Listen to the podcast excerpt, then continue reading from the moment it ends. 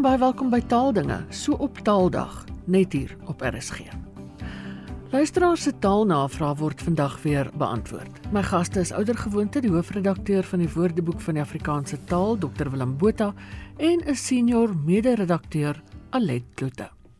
Willem Pieter van der Westhuizen stel die woord komputer voor in die plek van rekenaar en skootkomputer in die plek van skootrekenaar. Nou sy voorstel spruit uit sy frustrasie met die gebruik van komputer in Afrikaans en die boustene van komputer is dan om te peter met jou rekenaar. Uh goeiemôre Pieter. Ehm um, ek onthou jou baie goed en ek het lanklaas met jou gesels. Nou dis die Pieter van der Westhuizen wat so lekker sing. Wat ek veral van hom van gehou het altyd is vloek en skel is niks, maar jaloers is liderlik. Lieflike ou liedjie. Nou Pieter, ek verstaan jou frustrasie. Nou daar was ook ander mense wat gefrustreerd was met rekenaar. En in die WAT is daar 'n inskrywing vir komper. En daar staan daarby tussen hakkies as etimologiese inligting journalistieke skepping onder die invloed van die Engels komputer. Nou komper is al deur die burger dink ek gepromoveer maar al die ander tydskrifte en koerante het dit opgevolg en dis nou ons poging vir 'n Afrikaanse woord ander Afrikaanse woord vir rekenaar omdat hulle gereken het 'n rekenaar reken nie. Maar as jy nou met die rekenaarkundiges gesels, dan sal hulle vir jou sê daar agter die skerm of hier binne in die onderstuk of waar ook al, is dit 'n gespelery en 'n gestoeiery van nulletjies en enetjies. Alles werk met nulle en ene. Maar dit is nou al wat ek met my geweldige kennis vanoggend met die luisteraars gaan deel. Ek gaan nou nie vir my probeer nederwaardig hou nie, maar dit is um, dis hoe dit werk, dit werk met nulle en ene. So hy's aan die reken altyd en dis hoekom dit 'n rekenaar is En daarom dink ek persoonlik dis eintlik 'n baie baie goeie ehm um, naam in Afrikaans. Computer Engels kom van Latyn pito wat beteken om te dink. So dit is eintlik 'n ding wat vir jou dink. Maar ons weet almal hy kan nie hy dink nie vir jou nie. Jy doen die denke en jy tik in wat hy vir jou moet verwerk of net moet bewaar. Nou ja, rekenaars kan natuurlik ook somme doen en alles so. Hy kan in 'n mate seker dink maar dit is alles vooraf reeds geprogrammeer deur mense. Maar laat ek my nie verder slim hou oor iets waarvan ek 'n baie beperkte kennis het nie. Nou hierdie komper ehm um, wat aanvanklik geskep is uh, onder die joernaliste was veral hier in die laat 60s en vroeë 70er jare was dit ehm um, gewild uh, onder die joernaliste. Maar wat het gebeur? Die antwoord is niks. Die Afrikaanssprekendes sommige mense noem dit die volk en daarmee bedoel ons die praters, die sprekers, het dit net nooit reg aanvaar nie. So dit was die hele tyd beperk tot die gedrukte media en dit het nooit deel geword van die Afrikaanse woordeskat nie. As ek nou vinnig kyk hier na die WAT, dan sien ek aanhalinge uit die burger van 1968, die panorama as mense dit nog kan onthou van 1970, die Suidwester wat nou die Namibier is, die koerant in Namibië van 1975 en dan 'n boek van T.C. Robertson van 1970 en uh, Benny Bierman se boek Rooiwyn van 1971. En dan is daar nog samestellings ook. Uh, komperbedryf, komperbeheer, komperhulp, komperkunde in plaas van rekenaarkunde, komperoperateur, komperpersoneel, kompersisteem, kompertaal vir rekenaartaal en so voort. Maar soos sê dit het nooit inslag gevind nie. Nou uh Pieter, jy is welkom om jou eie woord te skep. Die vraag of dit 'n eie lewe gaan ontwikkel hang daarvan af of die Afrikaanssprekendes dit gaan aanvaar en so dan dit deel gaan word van die Afrikaanse woordeskat. Maar lekker om van jou te hoor. Alet Henk Hesselman van Meyerton skryf: Ek sal dit waardeer as ek oor twee woorde inligting kan kry. 1. Die oorsprong en betekenis van die woord uiteraard en 2. Die oorsprong van die woord hol soos dit gebruik word om te sê iemand hardloop vinnig. Ons het die woord uiteraard uit Nederlands geërf. Dit is 'n samekoppeling van die frase uit der aard wat letterlik beteken van nature. 'n Mens kan byvoorbeeld sê uile is uiteraard nagvoëls of doringbome floreer uiteraard in kleigrond. maar uiteraard het ook 'n tweede betekeniswaarde, naamlik van selfsprekend. 'n Mens sou kon sê 'n nie winsgerigte maatskappy kan uiteraard nie 'n groot advertensieveld tog bekostig nie. Of die teleurstelling was uiteraard groot toe die span in die kwart uitronde uitgeskakel is. Die woord hol aan die ander kant het ons uit Nederlands geërf, maar wel uit die uit die vorm hollen. En hollen beteken primêr onbeteeld weghardloop, veral soos 'n perd wat met sy ruiter op loop sit. En hieruit ontwikkel dan die betekenis wat ons ken, naamlik vinnig hardloop. Vandaar ook die uitdrukking op hol gaan wat beteken aan die hardloop raak of vlug, maar wat ook 'n figuurlike waarde het, naamlik verbuisterd raak of jou selfbeheersing kwytraak. Willem Andre Olivier van Klerksdorp vra duidelikheid oor die gebruik van en die verskil tussen stampvol en propvol. Hy vra dit na aanleiding van 'n koerantberig dat die paviljoen stampvol was, aangesien dit duidelik was dat daar nog baie sitplek oop was. Ja, hy sê dit was 'n artikel wat in Netwerk 24 verskyn het. Nou Andre, ek moet saamstem hierdie sin in Netwerk 24 as jy dit nou reg aangehaal het is nogal verwarrend maar kom ons kyk na propvol teenoor stampvol kom ons kyk na die etimologie nou propvol kom uit die Nederlands propvol wat in 1622 vir die eerste keer opgeteken is nou prop en propvol hou nie verband met die selfstandige naamwoord prop nie die ding wat jy gebruik om iets meer dig te maak nie maar met die werkwoord prop en dan nou meer presies uit Nederlands proppen wat beteken dig op mekaar druk. En die oudste vorm in Nederlands was proptevol, 'n samestelling van propt uh, en vol. Nou as ons gaan kyk in die WAT na die betekenis van propvol, dan staan daar baie of heeltemal vol of in 'n baie hoë mate of heeltemal gevul met. So dit kan verwys na iets waar mense is of iets waar 'n houer waar iets gedruk word. En die sinoniem is nie stampvol nie. Stampvol is nie een van die sinonieme nie. Die sinonieme is chock and block, chock and block vol, chockvol, boordemste vol, boordevol, eiervol en eivol. Dit is verouderde vorme want ei is die ou vorm van eier. Nou as jy kyk na die voorbeeldsin dan kry jy 'n propvol bus, 'n propvol eetlepel, houer, kamer, taxi. 'n propvol dag, lewe program. 'n huis, kerk, motorsaal wat propvol is. 'n boek propvol fotos, gedigte, idees, interessante stories, nuttige wenke. So wat ons hier sien is dat propvol kan verwys na dinge wat in 'n houer gehou word en wat heeltemal dit vul of soms na mense maar nie eintlik so erg na mense nie. En as ons dan na stampvol toe gaan en ons kyk eers na die etimologie, dan kom dit ook uh in uit Nederlands en dit is nogal 'n jonger woord. Dit is 'n hele eeu jonger want dit is die eerste keer opgeteken in 1749. En dit is gevorm na aanleiding daarvan dat iets wat baie vol is, die indruk skep dat die inhoud ingestamp is en dit is die eerste keer in 1902 in Afrikaans opgeteken. Nou as jy kyk na die definisies in die Woordeboek van Afrikaanse taal, dan is die eerste betekenis soos volg: daar is 'n etiket wat sê ten opsigte van 'n vertrek, 'n saal, 'n paviljoen, 'n vervoermiddel, 'n verblyfplek of dergelike. Nou ons weet almal daai goeders, 'n vertrek, 'n saal, 'n paviljoen is houers van mense en nie houers waarin jy goederes gaan prop nie, né? Soos boeke of ehm um, pille of wat ook al nie, né?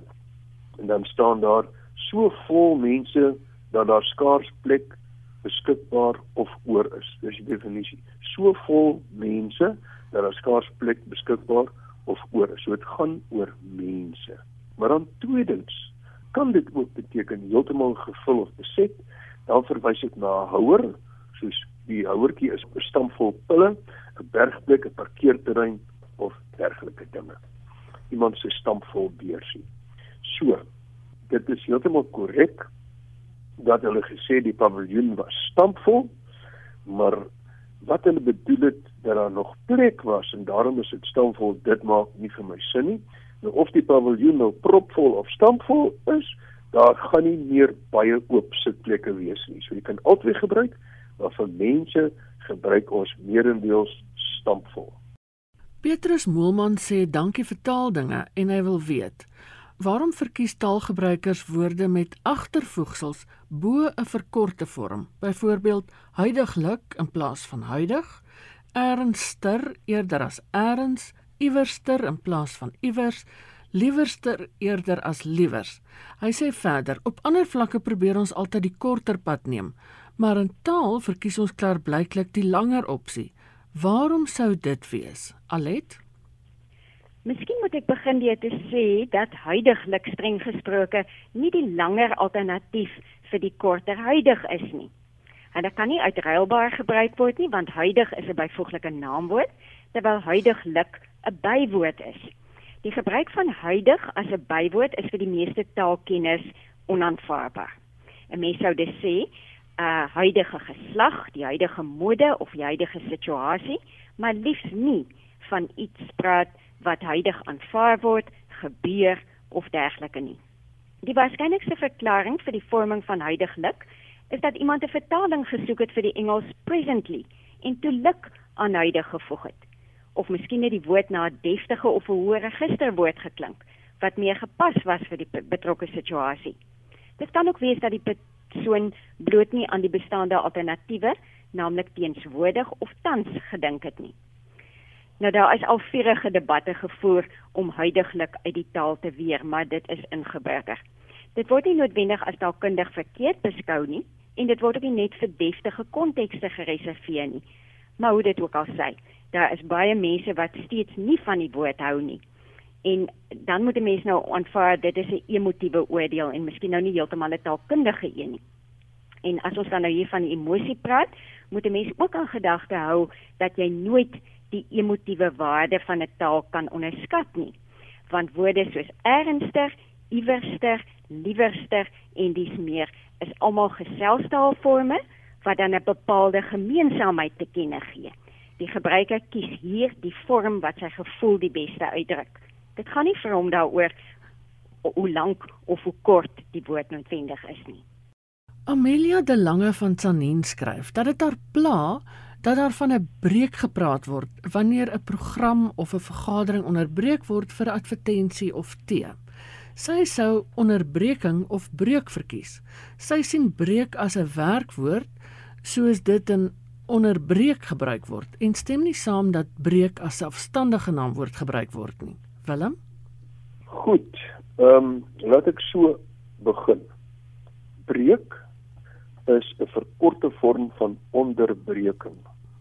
En as jy gaan kyk na die AWS, erken hulle net breek. B R E E K met meervoud breuke vir 'n verposing. Né, wanneer jy stop met waarmee jy besig is en iets anders doen. Gewoonlik gaan koffie drink, gaan rus, gaan tee drink. 'n Verposing is 'n breek. B R E E K. Breuk. E U K word net in die mediese wêreld en in die wiskunde gebruik. Ons weet almal wat se breek in wiskunde is daai dingetjie met 'n syfertjie bo met 'n streepie onder en 'n syfertjie onder. En medies gesproke is dit die breek hier in jou kan in jou lies wees kan ja, dis gewoonlik in jou lies in, jou lyf. Nou die feit dat sy nie dat sy nie saamstem dat jy 'n werkwoord as 'n selfstandige naamwoord gebruik nie. Ehm um, dit kom dikwels voor sekere woorde word meer funksioneel gebruik. Hulle sê net maar primêr 'n werkwoord soos breek, maar dan kan dit ook as 'n selfstandige naamwoord gebruik word. Nou in die WAT sou ons dan gewoonlik ook selfstandig gebruik en breek is een van daai. Soos baie ander werkwoorde in Afrikaans, die skryf van 'n boek. Hy is primêre werkwoord, maar hy's meer funksioneel, hy kan ook as selfstandige naamwoord gebruik word. Die breek van 'n ooreenkoms jy sê jy sou miskien liewer sê die verbreeking maar nog steeds jy kan ook sê die breek van ooreenkoms met die druk van 'n knoppie die druk van 'n boek hy het met die slaan van die bal sy balans verloor. Al daai werkwoorde kan ook selfstandig gebruik word. So breek EEK is eintlik korrek. Maar jy kan natuurlik ook verposing. Jy kan sê dames en here, daar sal nou 'n verposing wees. Die T word in die voorportaal bedien. Dis 'n keuse tussen breek en verposing, maar jy kan nie breek gebruik nie. Breek is 'n wiskundige breek of 'n mediese breek. Soos 'n half of 'n kwart of so. Ja, 'n ding moet iets bo kan die streep en iets onder kan die streep. Ja, ja. Alet Adi Swanepoel wil graag weet waar die uitdrukking lepel in die dak steek vandaan kom. Dit beteken iemand sterf. En sy sê verder, so tong in die kies, hier by die ouer huis waar ek is, is dikwels 'n tekort aan lepels. Die rede vir die probleme is dalk dat die baie sterftes onder die inwoners voorkom vanweë hulle ouderdom. Ja, nee, lepels kan 'n probleem wees hier by ons by die werk is daar gewoonlik 'n tekort aan teelepels. Die teelepels verdwyn ook so van tyd tot tyd. En hierdie uitdrukking, dit is interessant, kom in 'n verskeidenheid tale voor. Die Duitsers sê byvoorbeeld den den Löffel abgeben. En in Drenthe was dit oorspronklik de vork neerleggen. In Limburg is die paplepel weggelê en in dialektiese Engels is die lepel in die muur gesteek. In die Nederduits van Berghaus is die lepel weggesmy en in Mecklenburg is die lepel in die wand gesteek. En as 'n mens kyk na ou prente, dan toon dit ook vir jou so lepels wat in aan leerringe teen die muur hang.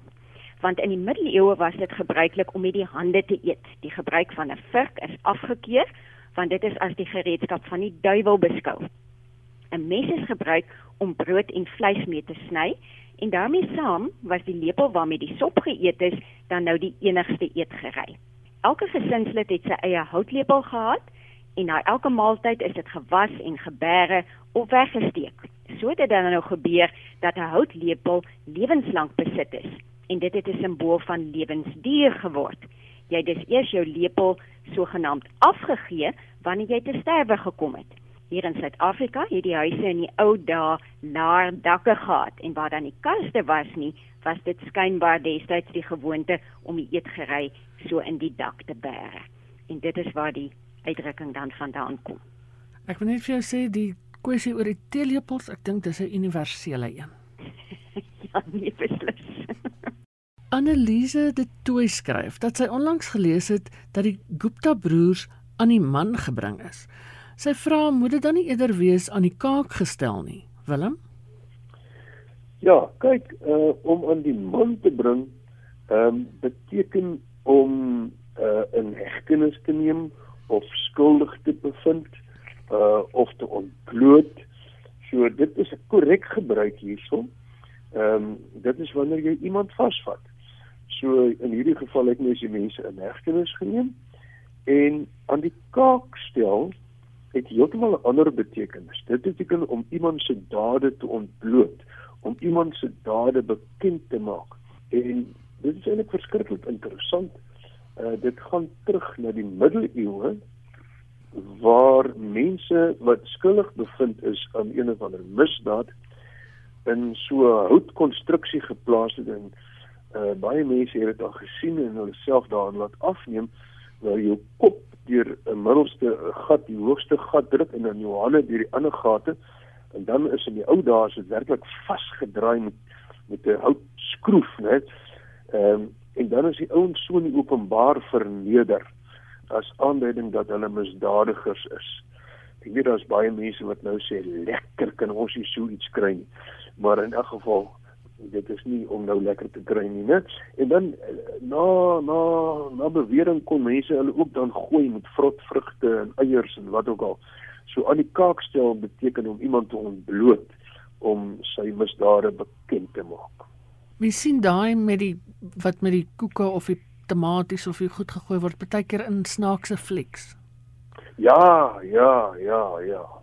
Alet Dr. Roo van Potter wil sê uh, omroeper het die program van Flip Loots en Dr. Gous oor selfdood aangekondig met die vraag wat veroorsaak dit? En sy antwoord dan nou verdriet. Volgens Dr. Roo moet dit liewer wees wat lei daartoe, waardeur word dit veroorsaak of wat gee daartoe aanleiding? Dis 'n moeilike vraag om te beantwoord, maar dokter Rood gelyk in die sin dat daar met veroorsaak 'n kausale verband veronderstel word. Met ander woorde, 'n onomkeerbare verband tussen twee sake, kom ons sê nou maar A en B, waarin A die oorsaak van B is en B die gevolg van A is. En kom ons sê dan nou vir die doel van hierdie argument, die oorsaak van Tine selfdood is depressie. Daar kan natuurlik baie ander oorsake ook wees. Dan is depressie die oorsaak van Tine selfdood en Tine selfdood is die gevolg van depressie. Op die vraag wat veroorsaak dit, wat veroorsaak Tine selfdood, kan die antwoord dus net 'n oorsaak wees en nie 'n gevolg nie, soos in die geval verdriet nie. Maar nou moet ek by sê, ek is nie heeltemal oortuig dat verdriet nie ook 'n oorsaak kan wees nie, want 'n mens sou verdriet kon verklaar met leed, smart of 'n gemoedskwelling of selfs hartintense hartseer en dalk het die omroepe wel bedoel dat dit die oorsaak of een van die oorsake van tiener selfdood kan wees. Dit was Alet Kloete en Dr Willem Botha van die WAT. En soos altyd, as jy wil help verseker dat die WAT voltooi word, borg 'n woord. Al die besonderhede is op die WAT se webwerf beskikbaar. En daarmee is dit groetheid. Geniet die res van die Sondag in RSG se geselskap. Bly veilig, bly gesond en van my Ina Strydom groete tot 'n volgende keer.